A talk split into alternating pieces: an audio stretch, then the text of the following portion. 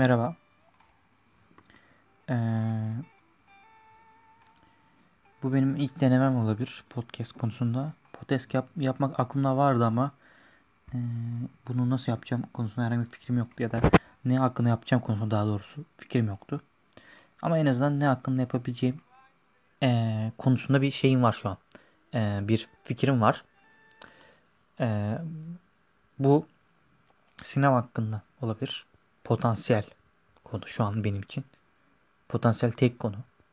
Gerçek anlamda yapabileceğim, götürebileceğim, kotarabileceğim, yapmak isteyebileceğim. Budur.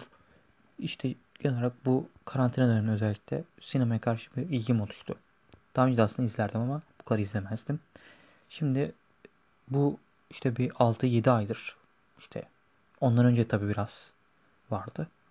Böyle bir yıldan beri bir ilgim var ve bu ilgim artarak devam ediyor. Bu süreç içinde izle izleye işte araştıra araştıra bir şeyler öğreniyorum. Öğrenmeye devam ediyorum. Çalışıyorum. Güzel oluyor benim için. Hem bu zorlu dönemde bir motivasyon oluyor. Benim. Yani güne başlayabilmem için. Gün devam ettirebilmem için.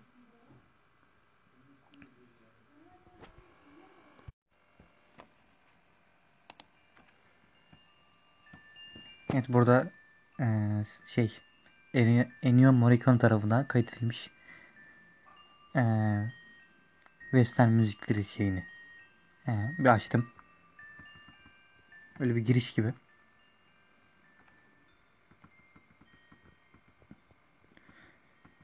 Eee, burada herhalde çok fazla şey yok. Hmm, Türkçe eee, podcast yapan kişi yok herhalde. Böyle uygulamalarda açtım. İlk bu çıktı karşıma. Oldukça da basit görünüyor ama bakalım. En azından şu an yani bir deneme yapabiliyorum. Tabii ne yapacağım ya da nasıl yapabilirim podcast'i bilmiyorum ama yani en azından benim için bir yani bu uygulama bir ihtimal oluşturdu. Umarım e, girip her gün hani bir şeyler yapa yapa bu konuda kendimi geliştirebilirim. İşte çeşitli filmler izliyorum. Yani birçok film bitirdim bu süreçte. Daha da bitirmedim çok var. Yani bunun hakkında çok fazla konuşamam. Ama en azından bir şeyler birikti. İşte insanlarla sosyal medya üzerinden konuşmaya çalışıyorum. İşte sinema ile ilgili. Yine normal arkadaşlarımla işte muhabbetler yapmaya çalışıyorum. Dışarı çıkabildiğim ölçüde. Ee, genel olarak işte filmleri puanlamaya çalışıyorum işte vesaire daha birçok şey yapmaya çalışıyorum bu konu hakkında. İşte oyuncular, yönetmenler bunlar hakkında bilgiler edinmeye çalışıyorum. Ve buna devam ederim. Devam edeceğim. Yani benim için bir şey oluştu. Meşgale oluştu hayatımda. Yani bu zamana kadar pek fazla yolumu çizemedim diyebilirim. Gerçi birçok insan ülkemizde maalesef yolunu çizemiyor. Yani bir hobi edinebilmesi veyahut ee, işte bir şeylerde bir şeyler yapabilmesi çok zor. Gerçekten hani bir şey yapmak isteyen insanın önünde çok fazla engel var maalesef. Dediği gibi işte yani bütün hayatını, bütün gençliğini ders çalışarak işte vesaire sınavlarda hebal olarak ve bunun arta kalan zamanında da işte yapmak istediği şeyleri yapmaya, çalışmaya çalışmakla geçiriyoruz. Çoğumuz için en azından. Belki benim imkanımdan daha kötü olanlar da vardır. Ki eminim çok da kötü yaşam standartına sahip bir insan değilim ki bu belki de bazı konularda hani en azından bazı şeyler yapabilmemi sağladı. Bakalım. Mesela son dönemde e, Mank filmi çok ön plan çıktı. Ya daha doğrusu zaten bir son 4 gün önce falan işte yayınlandı Netflix üzerinden. Artık biliyorsunuz ki hani Netflix sinema salonları neredeyse yenecek duruma geldi. Bu da tabi biraz da şeyden dolayı. Yani nasıl diyeyim? Yani karantinada bir nevi tuz biberi oldu ama ondan önce de aslında sinema salonları ee, gerçek anlamda yani şeyini kaybetmişti aslında. Popülerliğini kaybetmeye başlamıştı. Tabi karantinadan sonra bu nasıl olur bilemiyoruz ama en azından Netflix, Blue TV, Amazon gibi çeşitli e, şeylerin e, platformların daha fazla ön plana çıkacağını, daha fazla insan tarafından izleneceğini, daha fazla e, aboneye ulaşacağını ve bu şeylerde, bu platformlarda daha fazla e, yapımları izleyebileceğimi düşünüyorum. Mesela Bluetooth platformunda saygı var.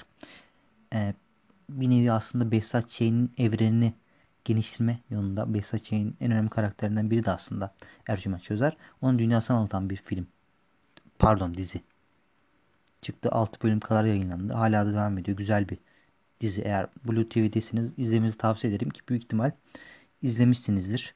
Çünkü popüler yapım. Mank de işte mesela Netflix üzerinden e, yayınlandı. Birçok insan bu süreçte daha 2-3 günlük süreçte daha iyi izledi. Çeşitli şeyler yapıldı. Bunun hakkında videolar yapıldı. YouTube videoları. İşte çeşitli yazılar yazılıyordur eminim. Yazılmaya devam edecektir. Çünkü çok e, nasıl diyeyim yani bu yılda, yılda bu yılın kuraklığında sinema kuraklığında gerçek anlamda bizi şey yapan bir film.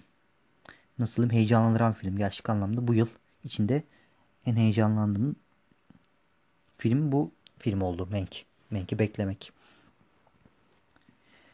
Ee, Mank zaten Citizen Kane hakkında bir film. Onun senaristinin hayatını anlatıyor.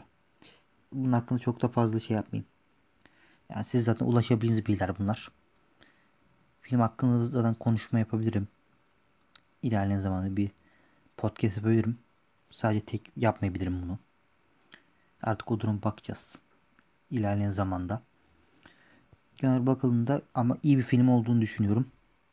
En azından hani böyle klasik bir sinema izleyicisi yorumunu yaparak ki öyleyim. Ee, iyi bir film. Süper bir film mi bilemiyorum. Hani masterpiece dedikleri, İngilizce masterpiece dedikleri yani başyapıt gibi bir film mi? Ya büyük ihtimal değil. Ama belki ilerleyen zamanda olabilir. Ama gerçekten iyi bir film. İzlenilebilecek bir film. David Fincher'ın sinematografisi için farklı bir film. Farklı bir e, deneyime girişmiş.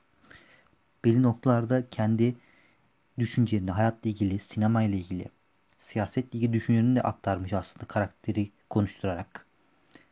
Bunun dışında sinema tarihi için e, önemli bir e, şey yapmış, adım atmış aslında.